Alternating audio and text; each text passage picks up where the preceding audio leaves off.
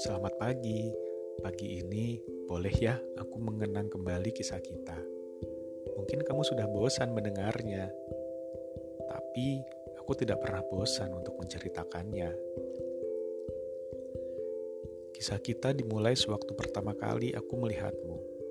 Saat itu, kamu masih berseragam SMP dengan rambut dikucir kuda dan sedang kepanasan karena sedang dijemur di lapangan bersama siswa baru lainnya.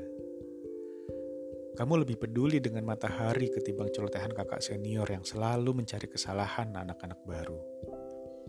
Berkali-kali kamu terlihat menyibaskan tangan ke wajahmu, berharap dapat menolak panasnya mentari.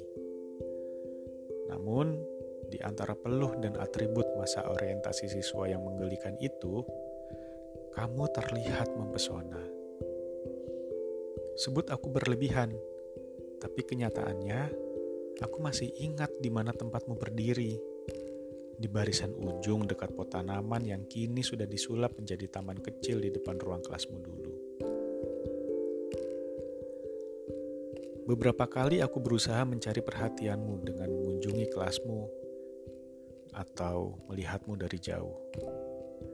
Bahkan Hampir setiap kali aku ingin ke kantin atau kamar kecil, aku selalu mengambil jalan memutar demi bisa melewati kelasmu dan berharap kamu melirik ke arahku. Ya, sekedar lirikan satu detik saja sudah bisa membuatku tersenyum hingga waktu pulang sekolah.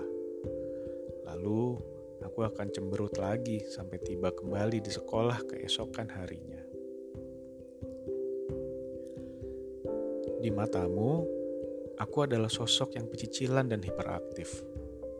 Tapi kamu lihat sendiri, saat beberapa kali kita mengobrol dulu, aku sering terdiam dan lebih banyak menunduk.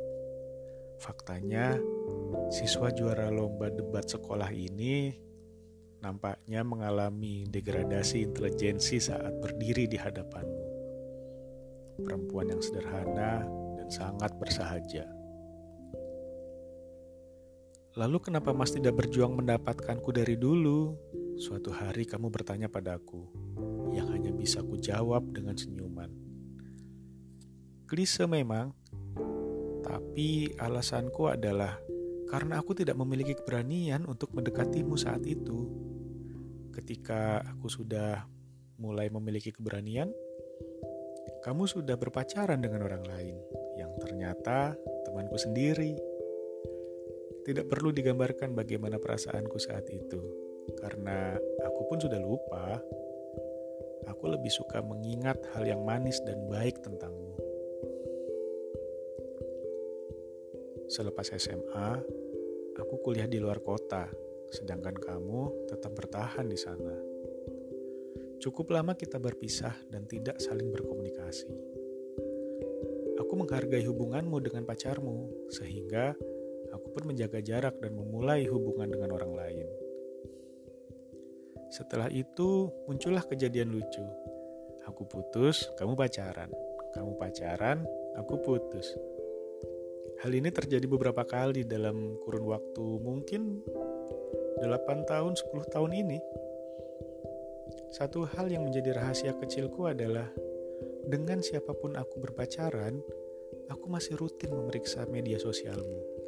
Itulah kenapa aku selalu tahu ketika kamu masih pacaran atau sudah putus.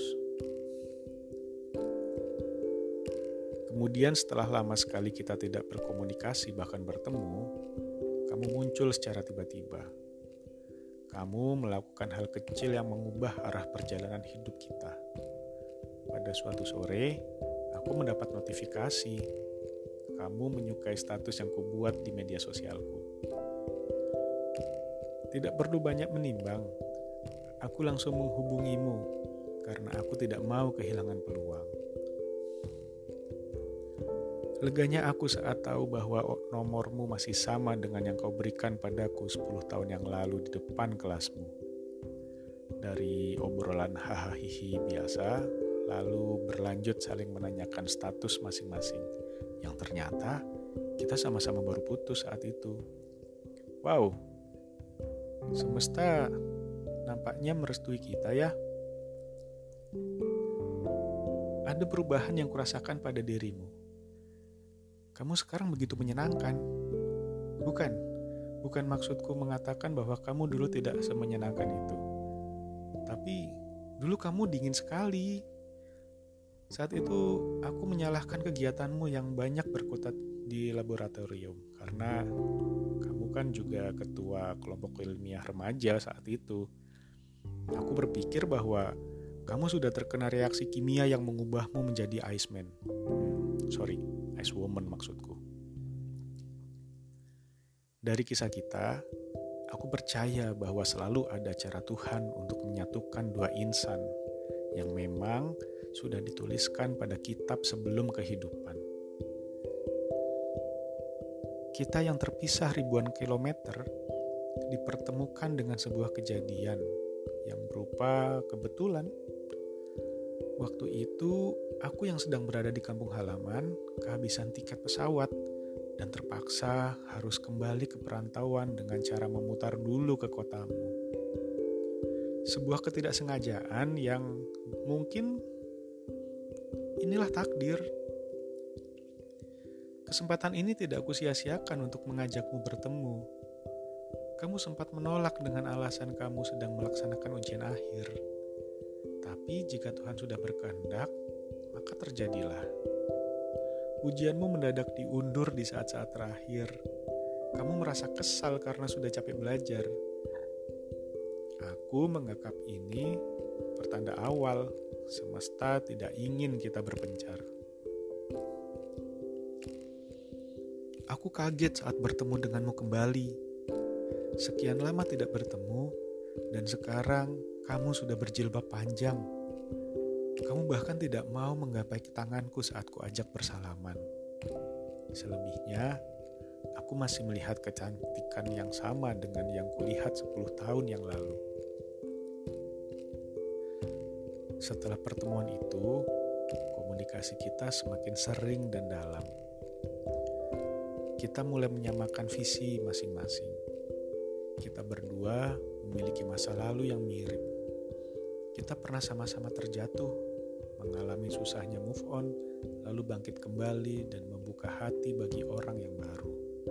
Kemudian, sampailah kita pada tahap ini, saat kita diberi kesempatan untuk saling mengenal dan menyesuaikan satu sama lain.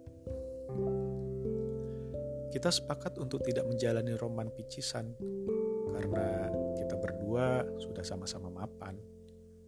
Bukan kemapanan yang bersifat kebendaan, tapi kemapanan yang bersifat rasa dan harapan.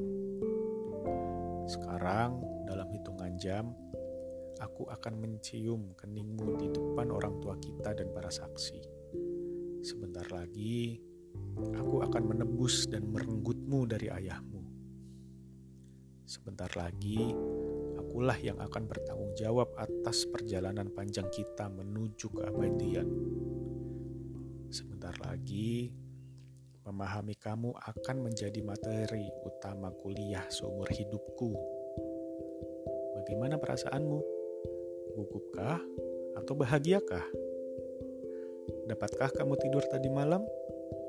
Ah, aku yakin kamu pasti menjawabnya dengan kata-kata andalanmu biasa aja tuh. Dasar kamu. Aku sayang kamu dalam ingat dan lupa.